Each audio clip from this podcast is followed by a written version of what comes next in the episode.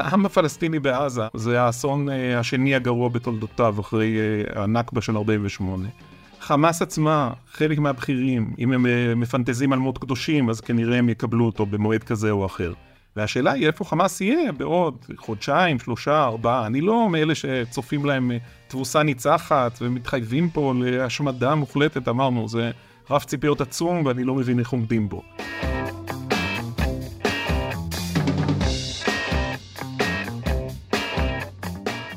ברוכים הבאים למרקרים, פודקאסט סוף השבוע של דה מרקר, באולפן כמדי שבוע, ענת ג'ורג'י וגיא רולניק. שמענו בפתיח את עמוס הראל, הפרשן הצבאי של הארץ. שלום ענת. שלום גיא, מה שלומך בימים האלה? כולנו יודעים מה אה, שלומנו, אבל כשאני נכנס פה לאולפן, משתפר קצת מצב רוחי משתי סיבות. אוקיי, והן? א', אני פוגש אותך. אה, כבר הרבה זמן לא נפגשנו פה נכון, באולפן. נכון, צריך להגיד שהרבה זמן לא הגענו לפה. כן, כל מיני סיבות. נכון. אה, אני הייתי פה, את היית בבית, את היית פה, אני הייתי במקום אחר, אז זה לא קרה. ויש עוד סיבה שצריך לתת עליה גילוי נאות למאזינים. האולפן של הפודקאסט המרקרים יושב בבור.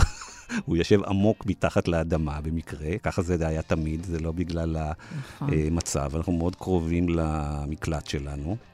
אה, ואני יודע שאם יש אזעקה, אנחנו בכלל לא צריכים לקום. אני, רוצה, אני רוצה, גיא, אה, להקריא לך תגובה. כבר, כבר, כבר את ישר קופצת לעניינים. טוב, בסדר, אה, ככה זה. הזמן קצר והמלאכה מרובה, מה שנקרא. קרן מרציאנו אה, פנתה למשרד המודיעין. מי זאת קרן מרציאנו? קרן מרציאנו מגישה בערוץ 12. נדבר אולי, על, אולי על ערוץ אנחנו 12, אולי כן. נדבר על ערוץ 12, אבל אנחנו כרגע נדבר על גילה גמליאל, אה, שרת המודיעין. אה, היא שאלה אותה מה המשרד עושה. למשרד יש משהו כמו 50 מיליון שקל בשנתיים, ואני רוצה להקריא לך את התגובה מהסיבה הפשוטה שאני לא כל כך הבנתי אותה, ואולי אתה תוכל להסביר לי ולמאזינים מה בעצם היא עושה. אחד מעיסוקיו המרכזיים של המשרד הינו הפקת מודיעין לאומי אזרחי, שישמש בסיס לתכנון אסטרטגי של הממשלה. תחת משימות פרטניות שהוגדרו כמו סריקת האופק, משבשים עולמיים ובהם שרשראות האספקה, תוך הסתייעות בכלי ביג דאטה ובינה מלאכותית יהודיים. מה היא עושה, גיא? אני לא יודע מה היא עושה, ואני אגיד לך למה. אה, גם אם זה היה שר ממפלגה אחרת ולא מהממשלה המחרידה הזאת, אה, לא היינו יודעים לדעת בדיוק מה הוא, אה, הוא או היא עושה. אבל יש אינדיקציה די ברורה שהיא לא עושה כלום. והאינדיקציה לכך היא שהממשלה הזאת כבר שנה, והרבה מאוד שנים, משחיתה את השירות הציבורי. וממנים אנשים גרועים, וממנים פוליטיקאים. אה, אז אני לא יודע להגיד לך, אנחנו אף פעם לא יודע- יודעים באמת מה עושים משרדי ממשלה, בממשלה עובדים... לפעמים כן יכול לראות. העניין הוא שבממשלה הזאת, שהיא כל כך מנופחת, יש כל כך הרבה משרדים מיותרים, שעולים כל כך הרבה כסף, שהוא כל כך דרוש בימים האלה, וזה פשוט, אה, אם זה צורם בדרך כלל, אז עכשיו זה צורם שבעתיים. כן, אני מסכים איתך לחלוטין, רק אני חושב שהמילה צורם לא מתאימה. אה, אני חושב שזה הרבה הרבה יותר חמור מזה, ואני רוצה ישר לעבור לעניינים הביטחוניים. אה, יש סיכוי, אני לא יודע אה, מהו, ואני לא יודע אם מישהו יודע מהו, יש סיכוי, ענת, שאת ואני עוד כמה ימים, שבועות, חודשים, נשב במקלטים, בגלל, לא רק בגלל חמאס, אלא בגלל שגם חיזבאללה יזרוק פה טילים. והיום אנחנו כבר יודעים, או מישהו אחר, את ראית, אפילו פתאום כמעט הגיעו הנה טילים מתימן לפני עשרה ימים. ואנחנו היום יודעים כבר שאם חס וחלילה ייפלו טילים אה, בכל רחבי הארץ, שמדינת ישראל לא ערוכה לעניין הזה, והעורף לא ערוך לעניין הזה, והממשלה שלנו לא מתפקדת. אז אנחנו עלולים לשבת תוך ימים, שבועות, חודשים, חס וחלילה, אה, במקלטים. דרך אגב, ברי המזל שבינינו ישבו שיש להם מקלטים, בדיוק. יש הרבה שאין להם, נכון מאוד. במרחק סביר. דרך אגב, הרבה באזור המרכז, באזור נכון הצפון מאוד. ובאזור הדרום. יפה. אף אחד לא הוזנח מ... אז אנחנו עשויים לשבת, ואז לגלות שהתשתיות אה, לא מתפקדות, כל התשתיות האלה. ואז כשאנחנו נשב במקלטים ונאכל קופסאות אה, שימורים או משהו אחר, ונשתה מים מינרליים, ונקשיב כל הזמן לרדיו, ונאגור סוללות וכל הדברים האלה, אנחנו נוכל להיזכר איך אחרי 7 באוקטובר, אה, שר האוצר שלך בצלאל סמוטריץ', גם שלך, גם. גם שלי, נכון, המשיך לדבוק בתוכנית שלו, להזרים מיליארדים למוסדות, מה שהוא קורא מוסדות החינוך החרדיים, שבינינו זה גנבת כסף. כלומר, אנשים אומרים, אוקיי, אה, זה למוסדות חינוך, אז בסדר, אז אנחנו לא אוהבים את המוסדות חינוך האלה. לא, זה גנבת כסף. כי המוסדות החינוך החרדיים, אין עליהם שום פיקוח, ובעצם לא מלמדים בהם. וחלק גדול מהכסף שם אה, הולך פשוט לכיסים של העסקנים של המפלגות החרדיות. אני יודע שמדברים המון עכשיו על המשרדי ממשלה המיותרים, אבל זה הקצה של הקצה ועדיין של... זה משקף הלך רוח נכון, שלא מבין את הסיטואציה בהחלט. שבה אנחנו נמצאים. נבזזים היום מיליארדים מתקציב הממשלה לשחיתויות, למקורבים, לקבלנים, לחברים, או סתם. לחידלון. עכשיו, הדת נותנת, אם היינו יושבים פה עוד חודש, לפני חודש, היינו אומרים, בסדר, הציבור אדיש, אבל אנחנו עכשיו נמצאים במצב שבו צריך כל שקל לחיילים שלנו, לילדים שלנו שנמצאים לאנשים בצבא. שנשארו בלי כלום. לאנשים שנשארו בלי כלום, ועדיין את רואה שהממשלה הזאת עוסקת, מתנהלת בדיוק אותו דבר, ביזת כספים. תראי, הבוקר, אנחנו מקליטים את הפודקאסט הזה ביום רביעי, דווח אה, בדה-מרקר שהממשלה הודיעה שהיא ממנה פרויקטור לאומי למלחמה, ונותנת לו תקציב של 15 מיליארד שקל. ולמה הם עושים את זה? הרי יש משרד אוצר, יש אגף תקציבים. את יודעת למה הם עושים את זה, ענת? יש רוצ- פיקוד העורף, יש שר לחוסן לאומי. למה הם, אז למה הם ממנים פרויקטור ב-15 מיליארד שקל, ענת? מסיבה מאוד פשוטה. הם לא רוצים שאגף תקציבים והדרג המקצועי יבקר לאן הולכים ה-15 מיליארד שקלים. הם רוצים שאנשים שהם אסירי תודה של פוליטיקאים, הם יחליטו איך להתגונן מול האתגרים אה, שלנו. כלומר, הם ממשיכים בפוליטיקה המתועבת והמלוכלכת והמושחתת, גם כאשר אנחנו אחרי השבעה באוקטובר. ומהצד השני, הם אומרים, לא מדברים פוליטיקה, אנחנו בזמן מלחמה, או במילים אחרות, זה לא הזמן רגע, לבקר את מה את זה? שאנחנו איפה הם עושים. אומרים את זה, ענת? בטוויטר. אז קודם כל אומרים את זה בטוויטר, שזה זירת השקר לא, והפייק. אומרים את זה גם בערוצי הטלוויזיה, יפה, הם אומרים את זה בערוצי. הטלוויזיה, ופה אני ואת חלוקי דעות. וצריך לדבר על החילוקי דעות האלה. תראי, אני חושב שיש דבר מדהים. רק בוא נגיד ש- ששוחחנו לפני הדיון באולפן. אנחנו משוחחים כל הזמן. ואתה אמרת שאתה רוצה לדבר, ושהם לא ממלאים את תפקידם, ואני אמרתי לך שאני חושבת שאני רואה ערוץ 13 בעיקר, אה, ויש שם הרבה מאוד ביקורת כלפי ראש ממשלה, אה, ביקורת נוקבת וחד משמעית. כן, אז הביקורת היא לדעתי מעט מדי, ואני חושב שהעובדה שאחרי שבעה באוקטובר יש כל כך הרבה אנשים בישראל שעדיין חושבים שנתניהו הוא ראש הממשלה הכי טוב. זה עדיין, התמיכה בו ירדה דרמטית, אין ספק. 28 אחוזים. אין ספק שהתמיכה בו ירדה דרמטית, אבל עדיין יש 28 אחוזים, וזה יכול, אגב, לך תדעי, אנחנו יכולים להתעורר עוד חודש וזה יעלה ל-38 אחוזים. כלומר, זה לא ירד ל-8 אחוזים. אני חושב שהסיבה שאחרי אירועי 7 באוקטובר, שזה הדבר הכי קשה שקרה בישראל אה, כנראה מאז אה, הקמתה, אולי למעט אה, מלחמת יום הכיפורים, ואולי זה גרוע ממלחמת יום הכיפורים, זה שנתניהו יש לו דרך לייצר נרטיב חלופי וסיפור חלופי על שבעה באוקטובר שמשרת אותו. ויש לו מערכת לא הפצה יכול- שיכולה להפיץ את המסרים. והוא לא היה. יכול לעשות את זה בלי פייסבוק וטוויטר ואינסטגרם וטלגרם, ובלי המשרתים שלו בערוצי התקשורת המרכזיים. ויש לו משרתים, יש לו בערוץ 12 את האנשים שלו, ויש לו בערוץ 11, ויש לו בערוץ 13. נכון שערוץ 13 משיקולים מסחריים, אחרי שהוא אירח שופרות של נתניהו במשך שנים, התחיל קצת משיקולים מסחריים שאפשר לדבר עליהם, נתח שוק אה, ומה הוא עושה, התחיל להיות קצת יותר ביקורתי. אתה חושב שזאת אבל הסיבה? בגדול, אין לי ספק שזאת הסיבה, זה עסקים מסחריים ששייכים לטייקונים, אוקיי? אין לי ספק, והדבר שאתה רואה באופן ברור, שעדיין כלי התקשורת בישראל מסייעים לנתניהו ולחבר מרעיו לייצר נרטיב שמסביר למה הר- זה רק הצבא, למה זה השמאלנים, למה זה המחאה. כמובן שהכלי המרכזי היום הוא רשתות חברתיות, ומאזיני הפודקאסט הזה עדנו שאנחנו שלוש שנים, מאז שהפודקאסט הזה נולד, אמרתי, אה, ואנשים אחרים אמרו פה, שהרשתות החברתיות יפרקו אותנו, את החברה הישראלית. זה מה שעשו, והחשבון הוגש לנו בענק ב-7 באוקטובר, ועוד לא דיברנו, ענת, על התרומה של הרשתות החברתיות להסתה ולטרור ולאנטישמיות ולאנטי-ישראליות נכון, בכל העולם. דיברנו על זה בשבוע שעבר, הקדשנו לזה כן. פרק שלם. המצב הוא ברור והוא מדכא מכל כך הרבה בחינות, אבל מה אפשר לעשות, גיא? טוב, אני עדיין לא ראש הממשלה. אני חושב שמה שאנחנו צריכים לעשות הוא די פשוט. אנחנו צריכים להיפטר מנתניהו. כל עוד שנתניהו מוביל אותנו, אין לנו סיכוי לצאת מהסיטואציה אתה שהגענו יודע, אליה. בכל פעם שאני מעלה את הטיעון הזה, אומרים לי, כן, אבל לא בשעת מלחמה. לא, אני חושב שאנחנו חייבים לעשות את זה בשעת אה, מלחמה, בגלל שאתה פותח במלחמה צריך להיות לך אקזיט, צריך להיות לך end game, צריך להיות לך מטרה למלחמה. וכל עוד נתניהו נמצא כאן, אז המטרה היחידה של המלחמה שלו, יסלחו לי המאזינים, תסלחי לי את, המטרה היחידה של נתניהו במלחמה מעל הכל, זה לשרוד בשלטון.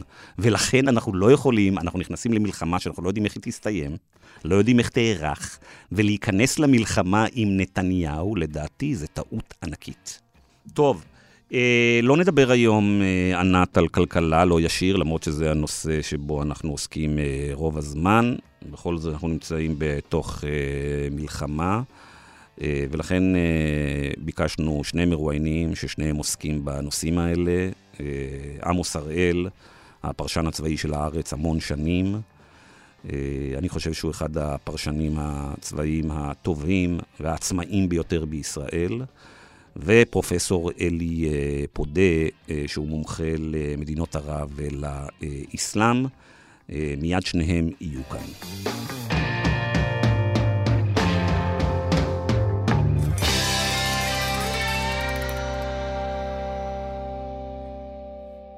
שלום לפרשן הצבאי של הארץ, עמוס הראל. שלום גיא, שלום ענת. שלום, עמוס. אז עמוס, אה, ענת ואני התווכחנו פה באולפן לפני שהתחילה השיחה, אה, שענת אמרה, אני לא מבינה את החמאס, מה הם אה, משיגים באירוע, נראה לי התפקשש להם משהו. לא, לא. עמוס, אני העליתי תהייה. גיא ישר הופך את זה להחלטה. החמאס בעצם גם היה פה מאיר אלרן לפני שבועיים ואמר שהתכנון מצוין מבחינתם, עם כל התוצאות המזוויעות של זה, וביצוע. אה, ואני מנסה להבין בעצם מה הוא השיג מתוך האירוע הזה. אה, אם, אם המצב הוא כמו שהוא כרגע, וישראל נכנסת ועושה מה שהיא אומרת ומחסלת את החמאס, אז זה בעצם הייתה אולי הפעולה האחרונה שלהם.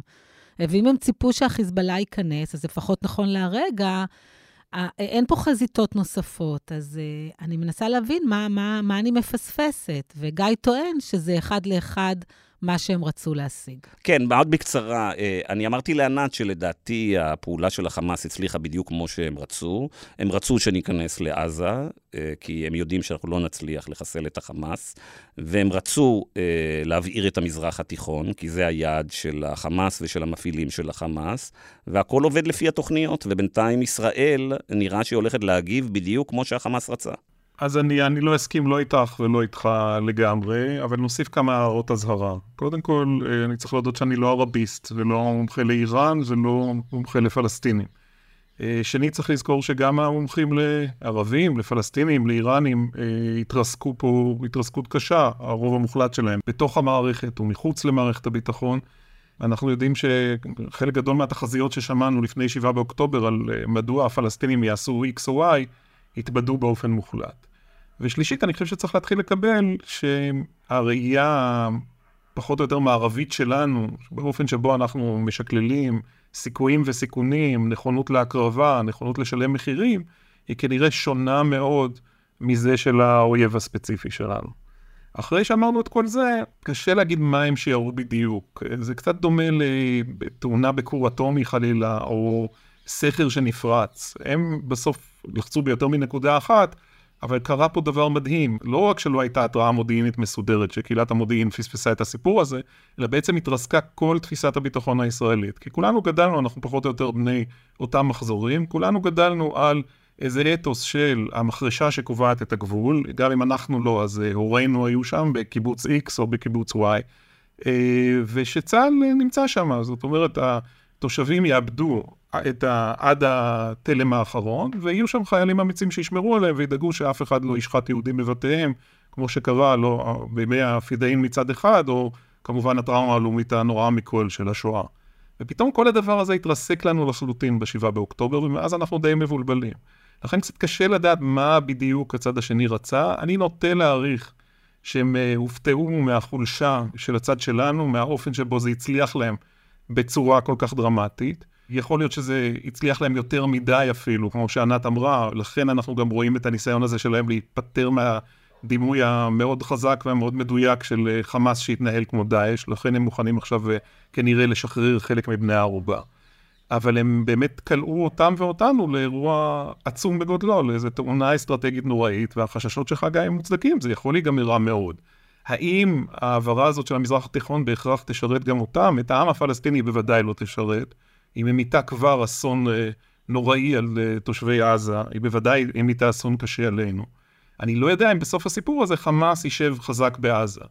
וכאן, להערה נוספת של אה, ענת, צריך להגיד, יש פה רף ציפיות מאוד מאוד גבוה. כל ההכרזות האלה, גם של הגנרלים וגם של הפוליטיקאים, של אנחנו נשמיד, נכתוש, נקצץ, נהרוס. צריך לראות אם התוכנית הצבאית בסוף בכלל הולמת את המטרות הללו, אם לא יהיה פה מפל ציפיות נוראי מבחינת הציבור הישראלי. אה, והאם אפשר להשיג את זה במגבלות זמן וגם לנוכח המגבלות שהאמריקאים שמים עלינו. עמוס, אמרת שאתה, אולי החמאס הצליח יותר מדי והוא חושש מזה שהוא נתפס עכשיו כמו אייסיס. אני האמת לא כל כך מבין אה, את, ה, את הטענה הזאת, למה? חמאס עשה פעולה בעוטף אה, עזה, זוועות שהן אה, הגרועות ביותר שראינו אה, אי פעם של ארגוני טרור אה, בעולם. והוא דאג לעשות את הכל תוך תיעוד יוצא דופן שלא ראינו באירועי טרור. הוא נכנסו עם מצלמות GoPro ושידרו הכל בלייב, ורצחו תינוקות לנגד הוריהם ולהפך.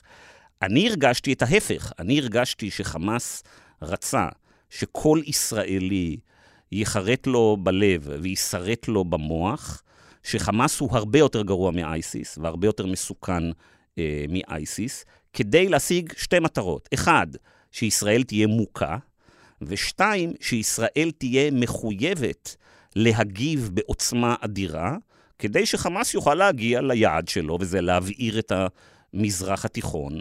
ואני חושב שהוא השיג את זה. כל ישראלי מבוהל עכשיו, כמו שלא היה מבוהל מעולם, כי הישראלים חושבים שחמאס הרבה יותר גרוע מאייסיס, והם כנראה צודקים. תראה, אני, שוב, אני, קשה לי להיכנס למוחות של אה, חמאס ולהבין מה בדיוק הם תכננו. הניתוח שלך הוא ניתוח מאוד הגיוני בעיניי וקצת מפחיד. זה ברור לגמרי שזה עובד על טרור, על זריעת אה, פחד בלב אוכלוסייה אזרחית. ברור לגמרי שהם נטשו גם את כל הפרדיגמות הקודמות שלפיהן אנחנו ניתחנו אותם, או המערכת הביטחון ניתחה אותם, במשך שנים. כל האמירה הזאת היא ראשית שחמאס מורתע, ושנית שלחמאס יש בכל זאת מחויבות לאוכלוסייה, יש שם שני מיליון אזרחים. שגם אפשר לקנות אותו. בכסף, אתה יודע, זאת הייתה כן, הקונספציה. כן, הם דואגים לבריאותם, ולכן אפשר לקנות אותם ב-17 אלף פועלים שנכנסים, וכל אחד מביא אה, אה, משכורת שהיא פי חמש ממה שמרוויחים בדרך כלל ברצועה, והקטרים יביאו מזוודות, אחר כך לא במזוודות, אלא בהעברות בנקאיות, והכל יהיה בסדר. אז זה כמובן מופרך לחלוטין, ובחלק הזה אתה בוודאי אה, צודק. השאלה היא בסוף, אה, אם חמאס מסתכל במונחים של 100 שנה, אז אולי באמת התבערה הזאת משרתת אותו אה, הלאה, המזרח התיכון נבער, השלום הישראלי-סעודי שנתניהו וביידן רצו אה, לא יתממש, ותהיה פה מלחמת גוג ומגוג אה, לשנים ארוכות. אז אם אתה באמת קנאי פונדמנטליסט שרוצה רק דם לנגד עיניך, אז יכול להיות שזה משרת אותך. אבל לפחות בטווח הקצר, ושוב, זה בתלות בכך שמהלך בינלאומי וישראלי נגד חמאס יצליח. אז העם הפלסטיני בעזה, אמרנו, זה האסון אה, השני הגרוע בתולדותיו אחרי אה, הנכבה של 48. חמאס עצמה, חלק מהבכירים, אה, אם הם מפנטזים על מות קדושים, אז כנראה הם יקבלו אותו במועד כזה או אחר.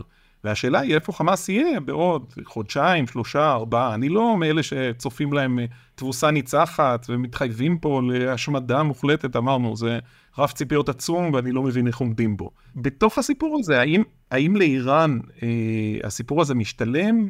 אני בטוח שהאיראנים היו מאושרים ברגע הראשון. אני חושב שעכשיו איראן אה, בכל זאת צריכה לשקול אה, האם לוותר על הפרויקט הפלסטיני שלה, שהוא פחות חשוב בעיניה, כדי לשמור על הפרויקט הלבנוני. חיזבאללה הוא בלי ספק יותר יקר לליבה של איראן, ובאפשרות כזאת שאתה מתאר של מלחמה אזורית, אז ברור שישראל תשלם אה, חלילה, אבל זה, זה יקרה, זה יהיה מחיר קשה שאנחנו נשלם, אבל ברור לך גם שבלבנון הסבל יהיה עצום, ושחיזבאללה לא יישאר אה, כפי שהוא. עכשיו שאלה אחרת על ה don't. ביידן אומר להם don't, עמוס, ואחרי כמה ימים אה, שולחים אלינו אה, החות'ים טילים מתימן. כלומר, הם לא מפחדים מה don't שלו, ההפך, הם מתגרים בו. גיא, הם, הם עושים יותר מזה, הם לא רק אה, משגרים אה, טילי שיוט ומל"טים, שאגב, יש שם יירוט מעניין, גם של אמריקאים, והבוקר התבשרנו מהוול סטריט ג'ורנל שגם סעודים השתתפו ביירוט טילים שנורו לעבר ישראל, זו כנראה פעם ראשונה אה, שדבר כזה יוצא החוצה ומתפרסם. למרות שהסעודים אה, אה, מקפידים להיות נגדנו, לא? לפחות מבחינה הצהרתית. אז, אז שוב, אז תלוי, כשאת ממפה את זה, את רואה שהאמירויות הן אלה שמגנות, ויש להן כמובן יחסים איתנו, מגנות בצורה הכי ברורה את חמאס, ומשלמות מס שפתיים לסבל של העזתים. מצרים וירדן, שוב, מדינות עם הסכמי שלום, מגנות בעיקר אותנו, אבל לא בצורה דרמטית, למרות שהן מבוהלות ומפוחדות מכל מה שקורה. וקטר כמובן עוד בכיוון השני, וככל שאת מושכת הלאה לאיראן ולמדינות אחרות ולרוסיה, שיש להם סימפתיה מוחלטת אה, לחמאס. עכשיו, איראן משחקת פה, בוודאי, אנחנו הזכרנו את חיזבאללה, חיזבאללה כבר משגר אה, במשך קרוב לשבועיים טילי נ"ט על אה, חיילים בצפון, אנחנו יודעים שמושבים וקיבוצים ברצועה שקרובה לגדר פונו. קורה פה דבר דרמטי, יש כאן התקפות כמעט מדי יום על בסיסים אמריקאים בעיראק ובסוריה, זה לא... זה לא כסף קטן, אלה דברים משמעותיים. ועדיין, אחרי שאמרנו את כל זה, ואני שוב אה, מצרף הערת אזהרה, לא להיות אופטימי מדי ולא לסמוך על כל מה שהמודיעין אומר, ההנחה המשותפת הישראלית והאמריקאית, שאני שומע אותה יותר ויותר, הוא שהעיתוי והנסיבות מסובכים לאיראנים, ושאיראן כרגע פחות מעוניינת במלחמה אזורית. האם זה נכון בהכרח? אנחנו נדע כנראה די בקרוב. למה האיראנים לא רוצים את המלחמה האזורית עכשיו? מלחמה עם ארצות הברית בסוף היא אירוע מסוכן. ארצות הברית היא בסוף עדיין המעצמה, ודאי הכלכלית, אבל גם הביטחונית, הגדולה והחזקה בעולם. אה, כשארצות הברית החליטה מסיבות אה, מטופשות אה, להפיל את סדאם חוסיין ולכבוש את עיראק, היא עשתה את זה. היא יכולה להותיר אחריה שובל נוראי של הרס. ראינו את זה גם כשהם הכריזו, כשאובמה הכריז מלחמה על דאעש ב-2014, אחרי ה... אה, פיגועים של דאעש שהם התחילו להוציא להורג בני ערובה אמריקאים וכולי. לאיראנים יש מטרות אחרות, איראן רוצה בסוף לשמר ולבסס את מעמדה כמעצמה אזורית. אה, היא יכולה לשלם פה מחירים שאני לא חושב שהיא מעוניינת לשלם כרגע. ושוב, אני כל הזמן מזהיר אותנו מ-wishful thinking, אבל זה משחק אסטרטגי יותר מורכב, זה לא הכל סכום אפס. יש פה היבטים שונים, ושוב, אם איראן למשל, ואתה יודע, בואו נדבר על כאבי ראש ארוכי טווח, אם איראן למשל רוצה להיות מדינת סף גרעינית, אז יש לה אינטרס להשאיר את הסיפור של חיזבאללה כהרתעה גם כלפי ישראל וגם כלפי ארצות הברית. בצד הישראלי יהיו אנשים שיגידו לך, כן, אנחנו צריכים לטפל בחמאס עם כל כמה שזה יעלה, ואחר כך, זה נשמע רעיון די מפחיד, אבל אחר כך צריך לטפל גם באותו כוח רדואן אה, של חיזבאללה לאורך הגדר וברקטות, כי אחרת תושבים לא יחזרו לעוטף, אנחנו כבר מבינים שזה ייקח כמה שנים עד שישוקמו שם הקהילות השרופות. אבל מה עושה תושב שלומי? מה עושה תושב נהריה? מה עושה תושב קריית שמונה? או תושבת אה, דלתון? אה, כשכל כך ברור כבר מה הסיכון, זה לא סתם סיכון של רקטות, זה סיכון של מחבלים שיחדרו לך הביתה, כמו בשנות ה-70, זה דברים שבאמת אה, אזרחים ישראלים לא פחדו מהם הרבה, הרבה שנים. עמוס, שאלה אחרונה, תגיד, אנחנו לא מבזבזים קצת את הזמן שלנו עם, אולי, עם חמאס, ואולי אפילו עם חיזבאללה, אה, שבעצם נפתח לנו את החלון הזדמנויות שלא ברור מתי יהיה אה, לטפל, ב, כמו שהם קוראים לזה, בראש הנחש באיראן, לפני שהיא נהיית אה, מדינת סף גרעינית. ואולי אם בסדר הדברים, חמאס הכי פחות לא חשוב. קודם כל חיזבאללה, שיושבת עם איומים הרבה יותר גדולים איתנו, ואיראן. והשאלה היא, האם ככל שאנחנו מתרחקים מהרגע הנוראי הזה, האם אנחנו לא מחמיצים פה הזדמנות? שוב, אתה שואל שאלות קשות שאין לי עליהן תשובות מוחלטות. אה, אם היו לי, אני לא חושב שאי פעם היו לי תשובות מאוד מאוד בוטחות בשאלות האסטרטגיות. אני לא מחזיק אצלי איזה אה, נוסחה לפתרון בעיותיה האסטרטגיות של ישראל, אבל זה כמובן הכל מתחדד אחרי ה-7 באוקטובר, אה, והכל גם מעורר יותר ספקות. אני חושב אבל שאחד הדברים שאנחנו צריכים לשים לב אליו, זה גם להבין את היכולות שלנו ברגע ובשעה הזאת. אנחנו ספגנו מכה מאוד מאוד קשה. היא חוללה טלטלה והלם בכל בית בישראל. המחשבה שעכשיו אנחנו נעשה סדר בכל המזרח התיכון ונסדר אותו בדיוק כמו שאנחנו רוצים, בקוביות דומינו שיסתדרו להם לפי התוכנית ובא לציון גואל, נראית לי קצת מרחיקת לכת גם לנוכח היכולות שהופגנו עד עכשיו. אני אה, חייב להגיד, ושוב, אני קצת שמרן וקצת פחדן בעניינים האלה.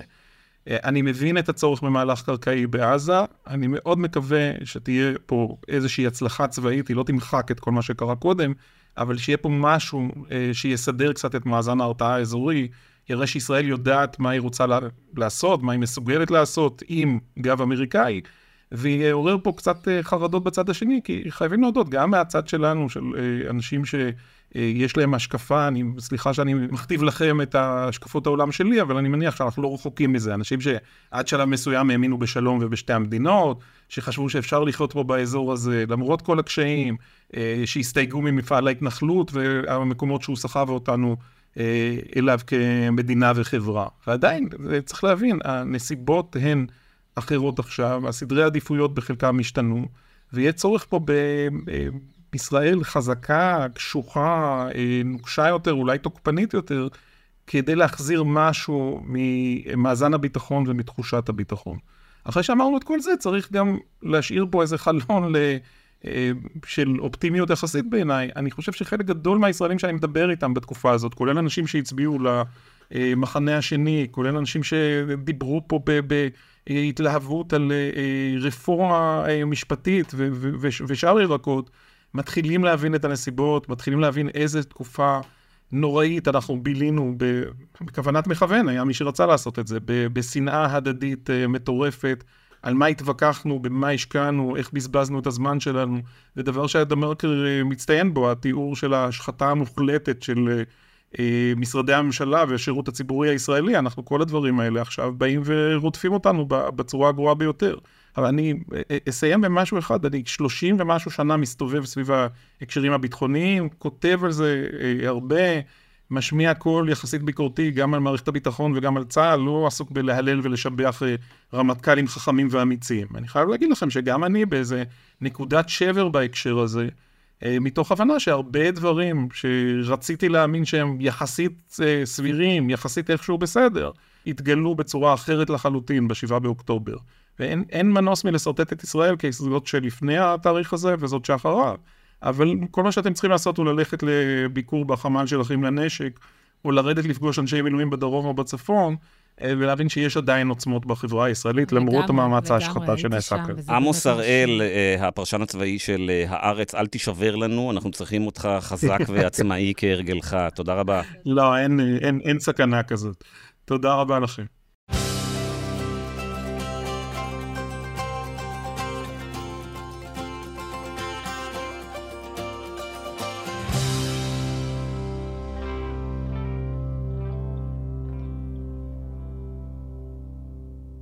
שלום לפרופסור אלי פודה.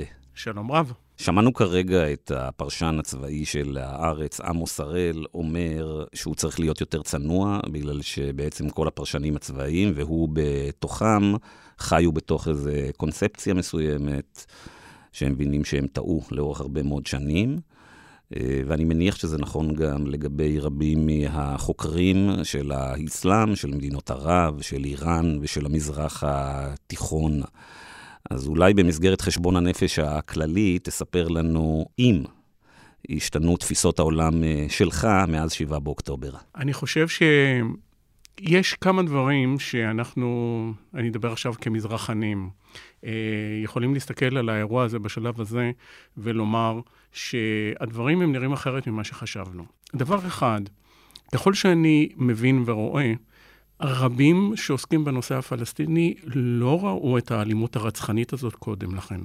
זאת אומרת, ארגון החמאס נתפס כארגון אלים, ארגון שפועל נגד מטרות צבאיות בעיקר, שמטרתו היא גם אנושית, כלומר להיטיב את החיים של האוכלוסייה הפלסטינית בעזה וכולי וכולי. זאת אומרת, ההשוואה הזאת שאנחנו עושים בין דאעש ובין חמאס, בסך הכל זה דבר חדש. זאת אומרת, זה דבר שצמח מתוך האירוע הזה, והוא מפתיע. אני חושב שכאן יש מחשבה מאוד גדולה, כלומר, מה לא ראינו נכון. דבר שני, וזה אני כן יכול לומר לטובת רבים בתחום, וגם אני חושב אנשי אה, צבא, ההתראה הגדולה. אף אחד לא ראה דבר כזה. זאת אומרת, גם אנשים שהתריעו באוגוסט ובספטמבר ואמרו, בגלל המצב הפנימי בישראל, בגלל הראייה בצד השני שאנחנו חברה חלשה, ודיברו על אה, מהלך צבאי, הם לא ראו את המהלך הצבאי הספציפי הזה. אבל יחד עם זאת, הייתה התראה, כולל גם של ראש אמ"ן, שהוציא התראה מיוחדת לגבי הסכנה הגדולה שקיימת באיזושהי פעולה צבאית. אז נכון, זה דבר עצום וזה דבר גדול, אבל עדיין זה דבר שהממשלה הנוכחית לא שעתה אליו ולא הסתכלה אליו. אז זה, אני חושב, דבר שצריך לומר אותו. אז אני רוצה רגע לקחת את uh, מה שאתה אומר, ובעצם לחדד את העניין של הקונספציה ושל הכסף. בעצם באמת הייתה אולי איזושהי אמונה שחמאס רוצה מלחמה ברמה הצבאית, וישראל הזרימה הרבה מאוד, uh, או אפשרה להזרים הרבה מאוד כסף uh, לחמאס. אבל בניגוד למה שאולי לקונספציה שיש, רוב הכסף דווקא לא הגיע מקטר. זאת אומרת, הגיע 400 uh, מיליון דולר מקטר, לא במזוודות, כבר היום זה נעשה באופן מסודר, נכון? בפיקוח של האו"ם ושל ישראל, אבל רוב הכסף בכלל לא מגיע מקטר, אלא מהרשות הפלסטינית. אז אתה יכול קצת למפות לנו את מקורות הכוח אה, של החמאס, וגם בעקבות זה את המוטיבציה שיש לו באזור. מה הוא רוצה להיות פה? קודם כל, לגבי העניין של הכסף, אה, זה בעצם, הדברים שאת ציינת, זה דברים שהם אה, פורסמו על ידי ועל ידי יצחק גל, שהוא כלכלן. נכון. הוא שנים רבות עובד בנושא של הפלסטינים, חמאס, עזה, ואלה המספרים ש... וכאשר הוא הביא לידיעתי את המספרים האלה, אני חייב לומר שאני באופן אישי נדהמתי. מכיוון שיש לנו את התפיסה הזאת שכל הזמן קטאר וקטאר, תכף נדבר על קטאר ועל התפקיד שלה, אבל זה רק חלק מהכסף, באמת 400 מיליון, מתוך 2, 2.5 מיליארד, זה לא מעט כסף. עכשיו, החלק של קטאר, בעקבות 2014, הוקם מנגנון בפיקוח אמריקאי והאו"ם, שבו ישראל גם חברה, שדואג במרכאות או לא מרכאות, שהכסף לא יגיע למטרות אה, טרור וכדומה. עכשיו, להגיד שזה מנגנון ברור, סגור, וששום דבר לא מגיע לאן שהוא לא צריך להגיע, זה אני חושב אף אחד לא יכול להגיע, להגיד, אבל בסך הכל ההערכה שלנו, שחלק גדול מהכספים של אה, קטר, הם מגיעים למשכורות, הם מגיעים למקומות שאנחנו יכולים לומר שהם לא ישירים הולכים לטרור. אז מאיפה מגיע רוב הכסף של הטרור? יש כאן כמה אפשרויות. קודם כל, הם מקבלים מיליארד דולר מהרשות הפלסטינית, זה די מדהים. שלפי המאמר שלכם, גם משלמת את החשמל שהם מקבלים מישראל. נכון, חשמל וחולים שמטופלים בישראל. זה בעצם הרשות הפלסטינית משלמת. זה בעיקר הולך למשכורות... וזה אחרי שהם דחקו אותה בברוטליות אה, ב-2007. זה, כן, אחרי הדבר הנורא. ואז נשאלת השאלה, למה הם עושים את זה? זאת אומרת, אני מניח שמבחינתם זה איזושהי יד, איזשהו רגל בעזה, איזשהו מנגנון השפעה, שבאופן מעשי הוא כנראה לא... רלוונטי, אבל בכל אופן, הכסף הגדול הזה הולך בעיקר ל-40 אלף משכורות של פקידים שעובדים למען החמאס. עכשיו, כסף נוסף, שהוא בסביבות החצי מיליארד או יותר, הוא מגיע ממיסים שהחמאס גובה במעברים. כלומר, כל מה שמגיע במעברים, אם זה כרם שלום אה, ואם זה רפיח בעיקר, אלה הם מיסים ישירים, עקיפים, כל מיני דברים כאלה שהולכים אליהם. כאן כנראה טמון הרבה כסף שהולך לטרור, בניית מנהרות, כדומה, דברים כגון אלה. ויש את הסיוע, שזה אנחנו לא יודעים להעריך כמה, שזה מגיע מאיראן ומקומות אחרים, שמגיע בדרך לא דרך. הברחות, מנהרות וכדומה. דרך אגב, המצרים עשו מאמץ מאוד גדול אה, לסגור את כל המנהרות. אף אחד לא יכול, אולי גורמי מודיעין יכולים להגיד אם הם הצליחו. בכל אופן, ככל שאני יודע, הרבה מהם, אה, הם הצליחו אה, לאטום. לאורך השנים. אז הוא צבר הרבה מאוד כסף והרבה מאוד עוצמה, הוא שולט בעזה, בעצם זה ארגון טרור שיש לו מדינה, שניים וחצי מיליון בני אדם. מה המוטיבציות שלו באזור?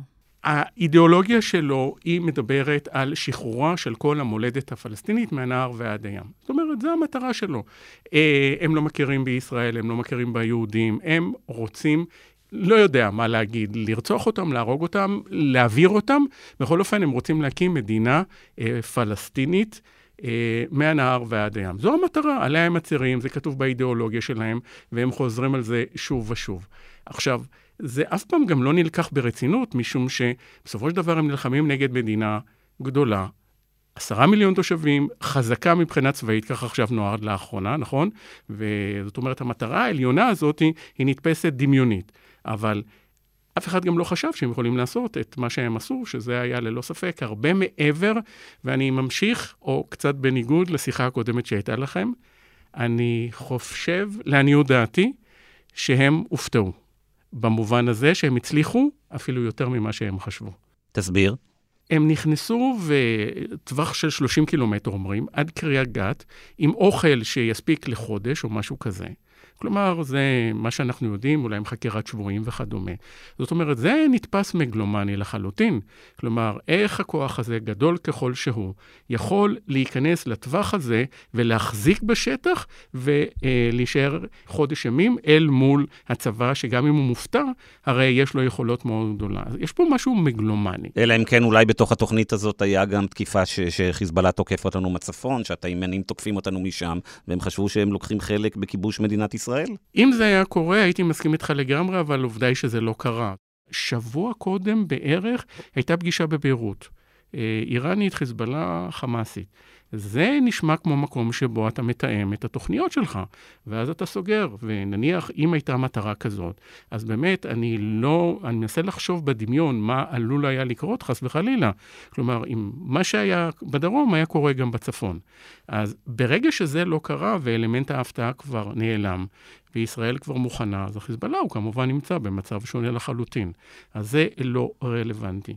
בכל אופן, אני חושב שהחמאס בשורה התחתונה, אני מניח שהוא לא חשב שישראל תגיב בצורה כמו שהיא הגיבה. רגע, מה הוא חשב? הוא צילם אה, את, המאור... את הדברים הכי מזוויעים שרוב הישראלים ראו אי פעם, אלא אם כן הם ראו סרטים על מלחמת העולם השנייה ועל השואה. אז אני חושב שמה שאנחנו עושים עכשיו זה בדיוק מה שהוא ציפה. אני הייתי חושב יותר שהוא חשב במונחים של הסבבים הקודמים. שזה נתפס אולי בגדר הסביר.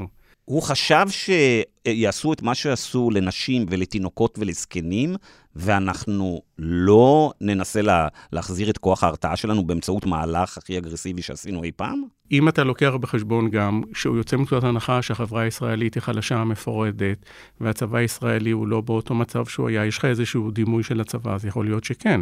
שוב, אנחנו נכנסים כאן למקום, אתה מבין, של הערכות שאנחנו מנסים להיכנס לתוך הראש של היריב.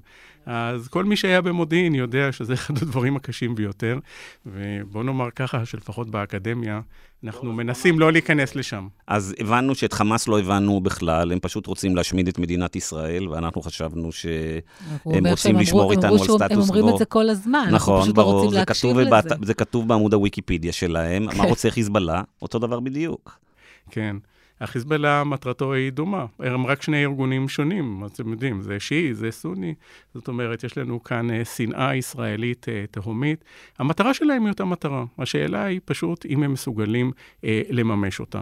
אני חושב שהחיזבאללה, מצבו uh, שונה לחלוטין מהחמאס, מכיוון שזה נכון שהחיזבאללה הוא הכוח החשוב ביותר בלבנון, ומבחינה צבאית, ללא ספק, אין משמעות לצבא הלבנוני, אבל הוא כן צריך to take into account אה, מה רוצים הלבנונים. למה הוא צריך לקחת בחשבון את זה? תראה, חיזבאללה מציג את עצמו תמיד כארגון לבנוני. הזהות הלבנונית היא חלק מהזהות שלו. זאת אומרת, זה ארגון שיעי, אבל זה גם ארגון לבנוני. ולכן, כחלק מלבנון, הוא צריך גם להידרש מה קורה בתוך לבנון. ומה שקרה ב-2006 זה פשוט הרס מוחלט. אה, בביירות, ברחבי לבנון, הביקורת על החיזבאללה היא הייתה קשה מאוד. אנחנו כולנו זוכרים שנסראללה אה, בעצמו אמר שאם הוא היה יודע שאלה יהיו התוצאות, הוא לא היה מראש נכנס לזה. אז אני חושב שבמקרה של החיזבאללה, אלמנט ההרתעה כן החזיק מעמד שנים רבות, וזה דרך אגב, הייתה ביקורת מאוד קשה נגד אולמרט בזמנו, זאת אומרת שהתוצאות, הם לא שיקפו את מה שאנחנו רוצים. ומה אם חיזבאללה יקום בבוקר ונגלה שבעצם לחיזבאללה לא, כמו שהחמאס בעצם גילינו שזה חמאס אחר, שנגיע שבעצם לחיזבאללה, אם אנחנו כבר מתקדמים בפרויקט של השמדת מדינת ישראל, החיזבאללה מוכן להקריב את יחסיו עם לבנון, כי, כיוון שאנחנו מגיעים לגביע הקדוש. אם זה יגיע לרגע האמת, אז זה יקרה. אני מסכים איתך לגמרי. אה, אני חושב שהחיזבאללה עדיין לא הגיע למקום הזה. זאת אומרת, אה, יש עדיין את המחשבה, וזה נראה לי, שוב, אני משער, אנחנו כולנו משערים שהוא עדיין פוסח על שני הסעיפים. אה, זה מאוד תלוי במה קורה בעזה, זה תלוי בעוצמת האירועים שמתרחשים שם, שהוא ירגיש שהוא מחויב להיכנס. או שבאיזשהו שלב הוא יקבל את ההנחיה מאיראן, אבל כרגע הסימנים עדיין לא מראים את זה. אני רוצה לעבור למדינה נוספת, שמושכת בחוטים, וזאת קטר. מצד אחד, היא מדינה שתומכת בטרור. אתה יודע, ראשי החמאס אה, נמצאים אצלה, היא מעבירה כסף לחמאס, אני, אה, גם לעוד ארגונים. ומצד שני, היא נהפכת למתווך לגיטימי, שמדבר עם כולם, אה, ושכולם אומרים שאולי הוא ינהל את המשא ומתן, הם מעורבים במשא ומתן עם החטופים. והיא ככה נעה בין שני הצירים האלה, ואני רוצה לשאול אותך בעצם, מי זאת קטר? מה מניע אותה? אה, ומעבר לזה שאולי היא רוצה אה, לתפוס פה את ההנהגה, למרות שאין לה כוח צבאי בעצם, יש לה רק אה, כוח כלכלי, מה היא בעצם רוצה להשיג פה? היא רוצה דריסת רגל פה? אנחנו סוג של מכשיר למשהו הרבה יותר גדול במזרח התיכון? קטר היא מדינה מאוד מעניינת.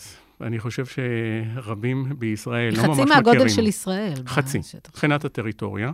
עכשיו, אולי זה יפתיע אתכם, אולי אתם, אני אתם שואלים אותי, אני אשאל אתכם, כמה תושבים יש קטרים? 300 אלף. אה, אז כבר ש... זה לא אז כבר בדקתם את זה. נכון. בדקתם. תשמעו, זה מדהים. ועוד שני מיליון זרים שעובדים שם. אני אגיד לך למה אני מכיר טוב את קטר, אוקיי? ולמה ידעתי את ה-300 אלף הרבה שנים. אה, אני מסתובב הרבה בארצות הברית, ובארצות הברית כל מי שחי בעולם העסקים, האקדמיה, הפוליטיקה, יודע שבכל מקום אתה מוצא כסף קטרי. הקטרים משחדים את כולם. אתן לך דוגמה, יש את מכון המחקר הכי יוקרתי בארצות הברית, אוקיי? קוראים לו ה Brookings Institute. באופן משונה הוא לוקח כסף מקטר. וכמובן, אל-ג'זירה, שזה נחשבת כאילו רשת. כלומר, אתה מוצא את קטר בכל מקום שאפשר לקנות לגיטימציה וסופט פאוור. לכן, כשהסתכלתי וראיתי שאני רואה את קטר בכל מקום כבר הרבה מאוד שנים, אז אמרתי, בוא נעשה... ואז הבנתי שקטר זה 300 אלף איש, שיושבים על שדה הגז הכי גדול בעולם, עם uh, טריליונים של דולרים של זה, ומצליחים, להש... למרות שהם כל כך קטנים, הם מצליחים להשפיע על כל המזרח התיכון, על כל, המדין... על כל uh, הדרך שבה המערב אה, תופס את, את המזרח התיכון. הם יודעים את העבודה, הם הלוביסטים הכי מתוחכמים שפגשתי. מדינה מאוד מורכבת, גם מבחינה הזאת שמצד אחד הם נורא משדרים ליברליות ובניינים חדישים וזה, ומצד שני, היא בעצם מדינה מאוד מאוד שמרנית, שעדיין יש את חוקי האפוטרופסיות לנשים. כן, הנקודה של אה, גולת התושבים, בסך הכל יש שם אה, שלושה מיליון, משהו כזה, כאשר באמת סביב ה-340 אלף. נורא מעניין, העמית שלי באוניברסיטה, אה, פרופסור רון וינקלר, הוא ספציפית עשה מחקר על העניין הזה. אסף נתונים, כי אין נתונים רשמיים. הם לא אוהבים כנראה להגיד שהם כל כך מעטים, אבל אלה המספרים שהוא הגיע אליהם, סביב ה-330 אלף. וזה מדהים שאתה חושב על מידת ההשפעה שיש למדינה הזאת עם אוכלוסייה כל כך קטנה. עכשיו, לעצם העניין, המדינה הזאת, אה, יש לה שאיפות מגלומניות מאוד גדולות, במיוחד מאז שהבן של השליט, תמים, אה, בעצם אה, בצורה מסודרת, הוא העלה אותו לשלטון, כי בעבר גם היו הפיכות פנימיות, אה, ומ-2013 הוא מנהל מדיניות ש... יש לה הרבה היבטים של ניסיון לקדם את קטאר בזירה העולמית, אה, לא תמיד בצורה אגרסיבית, אלא בצורה יותר מתוחכמת, נקרא לזה, כאשר הוא מנסה להשתמש, מה שאתה בדיוק אמרת, ה-soft power, כלומר, העוצמה הרכה. לקטאר באופן טבעי אין צבא גדול, אה, וה... העושר שלה הוא עושר כלכלי, שבא בעיקר מהגז. דרך אגב, יש לה גם נפט, לא הרבה, אבל הגז, אה, כמו שאמרת, זה שדה הגז הגדול בעולם, שדרך אגב, שליש ממנו הוא בשטח איראני, ולכן זה חלק מהבעיות, שגם יש לה עם איראן שצריך לשתף פעולה. נכון, צריך להגיד שהיא נמצאת בין איראן לסעודיה, מהבחינת המיקום כן. שלה, יש לה איזה קושי. כן, יש לה קושי גדול, ולכן, דרך אגב, מ-2003 יש בסיס אמריקאי ענק, הגדול ביותר במזרח התיכון, ושבו גם אה, יש אה, שטחי אה, ציוד אחסון אמריקאי. אבל, אבל בעצם הסיפור פה הוא מאבק על ההנהגה בעולם הערבי? רוצה להחליף את מה שהיה אז מצרים? קודם כל, זה מאבק על שליטה באזור המפרץ הפרסי, הערבי. כן? זאת אומרת, והמאבק העיקרי, אה, מפתיע או לא מפתיע, התחרות העיקרית היא מול סעודיה. סעודיה זה המדינה הגדולה, זו המדינה החשובה, ופתאום קטאר הקטנה הזאת, היא עושה שרירים. עכשיו, תחשבו רגע, ב-1996, הם מקימים את אל-ג'זירה. אל-ג'זירה בערבית מה זה? חצי האי. כלומר, הם לוקחים את השם של משהו שהוא בעצם שייך, במרכאות, לערב הסעודית. אז זאת אומרת, הסעודים מאוד מתקוממים שלו לדבר על זה שהתחנה כל הזמן התקיפה את סעודיה, ערכה שם אה, אנשי אופוזיציה סעודים. ב-2002, שהסעודים אה, יצאו ביוזמת השלום, שהפכה להיות יוזמת השלום הערבית, הם אירחו כל מיני אנשים שדיברו נגד היוזמה הזאת, וכתוצאה מזה הסעודים ניתקו את היחסים הדיפלומטיים למשך חמש שנים עם הקטרים. ויש לנו כאן סיפור ארוך של מערכת יחסים מאוד רעועה, שקיימת בין קטר לבין אה, סעודיה. עכשיו, סעודיה והאמירויות הן שתי מדינות שהן משתפות פעולה בהרבה עניינים. אה, אלי, אתה יודע, דיברתי השבוע עם עורך הארץ, אה, אלוף בן, על אה, קטר, ואמרתי לו, תשמע, מה אני רואה פה? ש- שאני מסתכל, ואני כמובן לא מתמצא ב... אה, אני לא ערביסט ולא אה, ביטחוניסט. אמרתי לו, מה אני רואה? אני רואה שקטר אה, מממנת הרבה מאי היציבות וארגוני הטרור באזור, ואחר כך שפורץ משבר, היא באה ואומרת, אנחנו נחלץ ו- ונעזור. אז אלוף אמר לי, אתה יודע, קטר מזכירה לי את הסרט הילד של צ'רלי צ'פלין, אתה זוכר? זה את הזגג ששולח את הילד לשבור את החלונות, ואז הוא מופיע ומתקן אותם. זה, הם, זה בעצם המשחק שלהם כל הזמן. מצד אחד מממנים את הארגונים הכי, אה, הכי זה, ומצד שני אנחנו הנאורים פותרים. יש לנו את אל-ג'זירה שנלחמת לכאורה למען המדוכאים במזרח התיכון, אבל הם כל הזמן משחקים את המשחק הזה. כן. בואו נעשה רגע סדר בדבר הזה לגבי, כי עד עכשיו באמת לא דיברנו על החלק של הסיוע לארגוני טרור וכדומה. קודם כל, הייתה להם תמיכה מאוד גדולה באחים המוסלמים, בכל הסיפור של האביב הערבי, כאשר היה שם נכון, בגלל זה הם הכניסו את המצרים. כן, ואל-ג'זירה תמך בהם בצורה בלתי רגילה. אה, הם תמכו גם בארגונים... אל-ג'זירה זה כוח. אל-ג'זירה זה כוח, זה שחקן. לדעתי, ג'זירה בפני עצמו זה שחקן נוסף במערכת שהם מפעילים אותו, ללא שום ספק. הם תמכו, דרך אגב, גם בארגונים אסלאמיים בעיראק, הם תמכו בארגונים אסלאמיים גם במקומות אחרים, וכולל גם אה, בחמאס. עכשיו, מה הלוגיקה של כל העניין הזה שאמרת, הזגג וכולי? בעצם עמדת הכוח שלהם היא נובעת, שוב, מהיכולת הכלכלית, אבל גם מעמדת התיווך.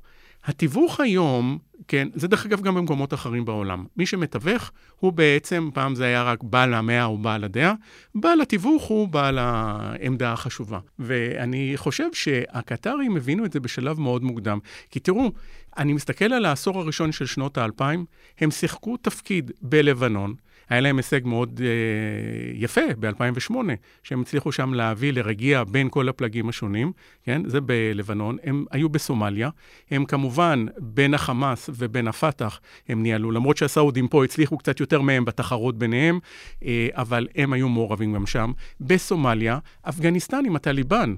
הם למעשה, הקשר שלהם עם הטליבן הביאה את האמריקאים לידי זה שהאמריקאים ניהלו סוג של משא ומתן עם הטליבן באפגניסטן. אז אני רוצה לצטט לך משפט של אה, האמיר קטר דאז, אני מדברת על 2012, של חמד בן חליפה, הוא אמר את זה בריאיון ל-CBS, והוא אמר, המדיניות הטובה ביותר למדינה כה קטנה, כמו קטר, היא להיות חברה של כולם, וזה מה שאנחנו מנסים לעשות. זאת אומרת שיש פה איזו אג'נדה מאוד ברורה.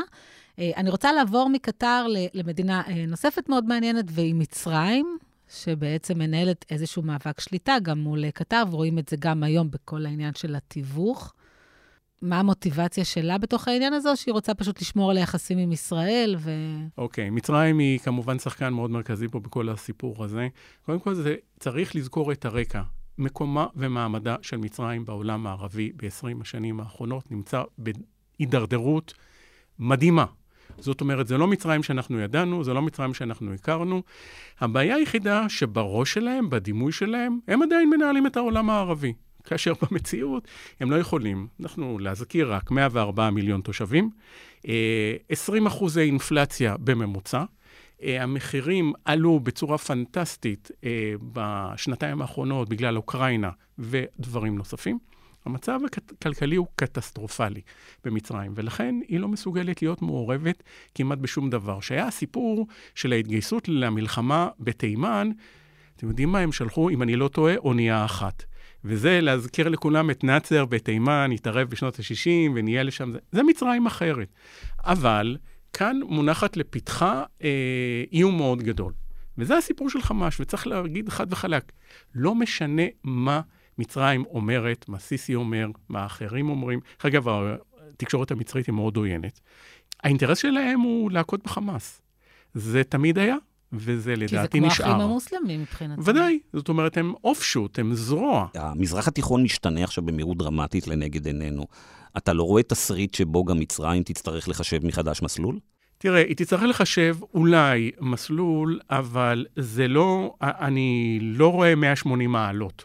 אבל בואו רגע נלך אפילו לסבבים קודמים. זה נכון שמה שקורה עכשיו זה לא הסבב הרגיל, אבל במקסימום, בואו נלך למלחמת לבנון הראשונה, אוקיי? 82. אינתיפאדה, 2000, 2004. מה המצרים עשו במקסימום? הם ניתקו אה, את היחסים הדיפלומטיים, כלומר, השגריר חזר. כן? לא השעו את הסכם השלום, אה, לא ביטלו אותו, אלא השגריר חזר הביתה. עכשיו, בזמן שהוא חוזר הביתה, וזה יש לי מהעדויות שלי, שאני אספתי, עומר סולימן, ראש המודיעין הכללי, המשיך להסתובב בינינו ובין הפלסטינים. כלומר, הוא היה בעצם הציר המרכזי שסביבו נסב כל המשא ומתן. אני מדבר איתכם עוד לפני שקטאר נכנסה, לפני זה. מצרים, היא הייתה הגורם שמוציא ומביא. וראש המודיעין הכללי, הוא היה בן אדם המרכזי בעניין. אז זאת אומרת, יש כאן את הגלוי ואת החשאי. אני חושב שישראל ומצרים, יש להם כאן בכל זאת עדיין את האינטרס האסטרטגי המשותף. חמאס הוא בין הפטיש ובין הסדן במידה רבה. אלי, ישראל נהנתה לאורך הרבה מאוד uh, שנים משני סוגי יריבויות, אתה מכיר עוד מאה, בגדול בעולם, בעולם הערבי, בין הסונים לבין השיעים, ובין ה... מצד אחד שכל המדינות הערביות הן דיקטטורות עם איזה אליטה קטנה פלוס צבא, ולמטה יש את העם אה, שכל רגע יכול אה, להתקומם. האם לא יכול להיות רגע שבו הסונים והשיעים אה, מבליגים לרגע על היריבויות שלהם, אם יש הזדמנות למחוק את ישראל, ופתאום כל הקלקולציה הזאת שאנחנו תמיד חשבנו שאנחנו יכולים לעשות את ה... יש לנו את בני הברית שלנו במזרח התיכון, ויש את אלה שלא, משתנה, ויש רגע שבו מתלכדים הכוכבים לזה שהם יכולים לרכז מאמצים. תראה, כל הידע וכל המידע שיש, אה, הוא, הוא לא מוליך אותנו לכיוון הזה. גם הוא לא הוליך אותנו גם רואים... ב-7 באוקטובר. כן, בסדר, אבל בכל זאת, אנחנו איכשהו... צריכים לנסות לעשות איזשהו סדר. אני מנסה להסתכל רגע על מצרים. ירדן היא הכי בעייתית, כי נכון, מצרים, ברור. אבל גם, זה גם נפיץ, אתה יודע, גם עם האמירות שלנו אה, שהתושבי עזה ילכו לשם, גם עם הציטוטים לכאורה שהם הזהירו את ישראל. זאת אומרת, אנחנו, הזירה הזאת היא נפיצה אה, מאוד בין ישראל למצרים. היא נפיצה מאוד, אבל עדיין אני חושב שיש כאן לא מעט שליטים שהם בכל זאת מקבלים החלטות, אה, משתדלים בצורה רציונלית, והם רואים איפה נמצא האינטרס שלהם. ולכן אני לא רואה אותם. תסתכלו למשל על מדינות המפרץ, נניח האמירויות. תראו, היום, ממש היום, הצהרה בסך הכל מאוד חיובית של שליט האמירויות, ובשעה כזאת, זאת אומרת, זה בהחלט מפתיע. אני אגיד לכם משהו לגבי הסעודים. העמדה הפומבית שלהם היא לא מוצאת חן בעינינו, במיוחד לאור uh, כל הנורמליזציה וכדומה, כן, כל מה ש... אתה קורא קצת יותר לעומק את העיתונות הסעודית, אני עוקב אחרי הדבר הזה. אני רוצה להגיד לכם שיש שם הרבה מאוד ביקורת נגד החמאס. כלומר, כי זה נגד האסלאם, מה שהם עשו. שתיים, זה לא משרת את הפלסטינים. זה פוגע בהם. החמאס אה, לא מייצג את הפלסטינים. זאת אומרת, אלה דברים שנכתבים לא רק בעיתונות שיוצאת בלונדון, כמו ישר קלאוסת, אלא בעיתונות סעודית שיוצאת בסעודיה. אפילו במצרים אני שומע קולות כאלה, אם כי הם המיעוט, אני חייב להודות. זאת אומרת, יש אנשים שאתה רואה שכבר בזמן אמת קוראים את הדברים, אה, כפי שבוא נאמר, אנחנו רואים אותם, ומבינים מי הטובים ומי הרעים. אבל העיתונים האלה, העיתונים בסעודיה ובעולם הערבי, בכולם הם, הם בעיקר מאוספיס אה, דוברים של השלטון. זה לא שהם מבטאים בהכרח סנטימנט של הציבור, ובכלל גם נשאלת השאלה, מה חשוב הסנטימנט של הציבור? אני חושבת שהשלטון כן מרגיש מאוים מדעת הקהל, גם במקומות האלה. ברוב המקומות אה, העיתונות היא ממסדית. אה, יחסית, העיתונות שיוצאת מחו"ל היא יותר עצמאית. כשאני מוצא קולות חיוביים כרגע בתוך המדינות הערביות, אני מוצא שזה מעניין. כי לכאורה לא הייתי צריך לקבל את זה, מכיוון שלפחות השליטים, רובם, חוץ מהאמירויות, אמירות אה, מאוד שליליות נגד ישראל. שאני אומר, הנה, הם בכל זאת מאפשרים לקולות מסוימים. וזה לא תרגיל שלהם שהם רוצים שהעיתונים שלהם אה, יגידו דברים חיוביים על ישראל, והם יגידו דברים שליליים כדי, ש, כדי לשמור על עצמם? זה כאילו לשחק משחק כפול? השערה, שאני לא יכול לשלול אותה לחלוטין, אבל אני הייתי אה, בכל זאת נותן את הקרדיט שיש אתה יודע, יש כמה וכמה שאולי חושבים גם קצת אחרת. טוב, אלי, לא נוכל לסיים את הריאיון הזה בכל זאת בלי לדבר על, אה, על, אה, למרות שזה לא התחום שלך, אבל בכל זאת, היום מי שהוא מומחה למזרח התיכון, אז הוא מומחה להכל, כי המזרח התיכון זה המקום הכי חשוב על הכדור. אז שתי שאלות, עד כמה משחק פה עניין הגרעין? ושתיים, אה, ארצות הברית, סין ורוסיה. הרי כל האירוע הזה, בעצם אנחנו כולנו פיונים במשחק הגדול של, של המעצמות. איפה הן נכנסות כאן? תראה, קודם כל לגבי נושא של הגרעין, אה, קשה לי לראות כרגע את הקשר הישיר. אני כן יכול לבוא ולראות, כי מצאתי לזה, נקרא לזה, סוג של הוכחות. לאיראנים מאוד הפריע הנושא של הנורמליזציה, כי זה היה משהו שמתרחש ברמה האסטרטגית. כלומר, צריך להבין שנורמליזציה בין ישראל וסעודיה זה Game Changer, אה, שהוא הרבה יותר משמעותי מאשר האמירויות, בחריין וכדומה. יש איזו תזה כזאת שמסתובבת, ש-7 באוקטובר זה כדי לחסום את הנורמליזציה עם סעודיה, וספציפית כדי לחסום את העסקה של, את הצינור הזה שהיה אמור להוביל גז. אז אני אומר לך, קודם כל, אה, היום או מחר יצא מאמר שלי בדיוק שאומר את הדבר הזה. שתיים, נציג חמאס בלבנון אמר בדיוק את זה. אז זאת אומרת, אם אתה מחפש את הסיבות השונות, זו אחת הסיבות ללא ספק. דרך אגב, ח... דבר חדש אולי, הצופים, המאזינים ואתם לא יודעים, החמאס טרפד לא רק את הסכמי אוסלו עם הפיגועים הגדולים שהיו בשנות ה-90, אלא הוא פגע גם ביוזמת השלום הערבית, שהפסגה הערבית קיבלה ב-30 במרץ. להזכירכם, יום קודם, היה הפיגוע הגדול במלון פארק. כלומר, הפיגוע הגדול בפסח נועד לפוצץ גם את יוזמת השלום הסעודית, שהיא הפכה להיות יוזמת השלום הערבית. כלומר, יש לנו כבר פה, אתם רואים קשר שלאורך השנים יש כאן ניסיונות לטרפד מהלכים אסטרטגיים מדיניים, שהם עומדים בניגוד למה שאיראן, חמאס, חיזבאללה, חושבים. זו נקודה למחשבה. מאוד מעניינת. לגבי המעצמות, נכון לעכשיו, אה, ארה"ב אה, תפסה פיקוד. עוד תזה, דרך אגב, שאלתי על המצמות, עוד תזה שמסתובבת כמו כל התזות, אה, פוטין נקלע לבעיה גדולה באוקראינה, ואחד הפתרונות שלו לשפר את מצבו ולהחליש את. להחליש את האמריקאים, לסבך אותם עכשיו במזרח התיכון, זה להבעיר אה, כאן את השטח. אז אנחנו שוב נזק היקפי של אה, פוטין, שכמובן בגלל המצב שאליו הוא נקלע, הוא כרת ברית מאוד משמעותית עם אה, איראן, וגם, לס, וגם לסינים יש עכשיו אה, את הברית עם האנרגיה עם, אה, עם איראן. מרחיק לכת. לא, זה לפעמים אני חושב שמסתובבות כל מיני, לא יודע אם לקרוא לזה קונספירציות, אבל כל מיני הערכות ודעות וכדומה. אתה יודע מתי, מתי, זה, מתי התחלתי לשאול, האכזריות של האירוע הזה ב... של החמאס ושל... הזכירה לך הזה, את... זה אני, זה, אני לא מבין כלום בזה, אבל זה היה נראה לי, האכזריות הזאת הזכיר... אתה יודע, היו שמועות כאילו שכוח וגנר, אמרתי, זה משהו שמזכיר יותר את פוטין, כן. מאשר את הטרור ה, ה, האסלאמי. למרות שגיא, באמת צריך לזכור שהם נכנסו כן. למרכזי הערים במשך הרבה שנים, והתפוצצו שם בלי לדעת מי מתפוצץ אבל פה הם עשו משהו הרבה יותר חמור. טוב, תגיד לנו משהו אופטימי, אה, אלי, לסוף השבוע. אוקיי, דבר אחד. אני יודע שזה נשמע קצת מרחיק לכת, אבל תראו, עשיתי מחקר, מחקר גדול שיצא כספר על הזדמנויות uh, בסכסוך הישראלי-ערבי. והזדמנויות uh, שחלקן כשלו, פוספסו כמובן. אחת המסקנות המעניינות שמצאתי, uh, וזה דרך אגב אולי לא חידוש עצום, אבל שמלחמות וחילופי שלטון, הם יוצרים הזדמנויות לשינוי. זאת אומרת, הם לא מסתכלים על המלחמות, בוודאי מלחמות עולם, אה, אבל גם בסכסוך הישראלי-ערבי. יכולים להגיד לצערנו, לא, אבל הם הובילו לכל מיני מקומות אה, של פתרונות. 73, בסופו של דבר הוביל לשלום עם uh, מצרים. בדיוק, הבעיה היא שעכשיו אין לנו פה את בגין, יש לנו את ביבי, וזה טוב, מה שאותי מטריד. זה, זה סיפור אחר שאתה צוחח עם מישהו אחר עליו, לא איתי. בדיוק. פרופסור אלי פודט, תודה רבה, היה מאוד מעניין. בבקשה, תודה, תודה לכם.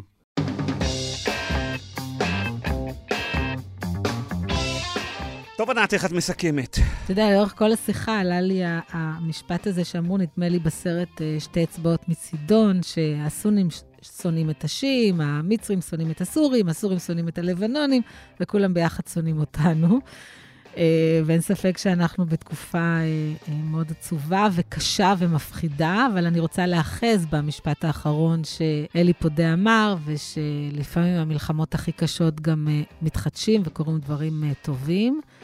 ואני מקווה שנעבור את זה, ושניקח את כל הכאב והצער ונוכל לצמוח מזה. אני חושב שמלחמה ומשבר כזה הוא אכן אה, אה, הזדמנות ל, לשינוי. אבל זה חוזר למה שאמרתי ברישה של הדברים. בשביל להוביל שינוי, אנחנו צריכים uh, פתרונות מדיניים. אני לא חושב שאנחנו נצליח uh, לחסל, לכתוש, להרוג את החמאס. צריכים מנהיגים. כמו שגלנט ונתניהו uh, מבטיחים, מבטיחים לנו. פתרון אמיתי יהיה רק אם יהיה גם הסדר מדיני, או מעורבות מסיבית של המערב, של ארה"ב, ו... אה, ואירופה. אה, וכאן זה אני מאוד מוטרד, שוב, בגלל אה, נתניהו, שאני לא סומך עליו שהוא עושה את הדבר הנכון. אני חושב שאנחנו, כדי לקדם פתרון רציני, אנחנו צריכים להפסיק להקשיב למשיחיסטים אצלנו, כמו שיש את המשיחיסטים בצד ההוא, שהשתלטו על העסק בעולם הערבי, אז גם אצלנו יש משיחיסטים. ואני חושב שהצעד החשוב ביותר כרגע, לפני הכל, כיוון שאנחנו, כל העולם. כל המזרח התיכון לא בשליטתנו, מה שבשליטתנו זה שאנחנו צריכים אה, להיפרד מנתניהו ומהממשלה המטורפת הזאת, ולעשות אה, ממשלה אה, שתזכה ליותר אמון בכל העולם המערבי, כי היום, יותר מזה עשרות שנים, אנחנו זקוקים פה לגוד וויל של אנשים במערב. זהו, עד כאן המרקרים להשבוע. אם אהבתם את הפודקאסט, אל תשכחו לשלוח את הלינק שלו לכל הידידים והחברים אה, אה, שלכם, ולהירשם בחנויות הפודקאסטים של אפל, ספוטיפיי וגוגל. תודה רבה לצוות שלנו היום, לדן ברומר, העורך האגדי, לאמיר פקטור המפיק. תודה רבה לאורחים שלנו, לעמוס הראל, הפרשן הצבאי של הארץ, ולפרופסור אלי פודה. ותודה לך, ענת, ונתראה פה באולפן שבוע הבא. תודה, גיא, כן. להתראות.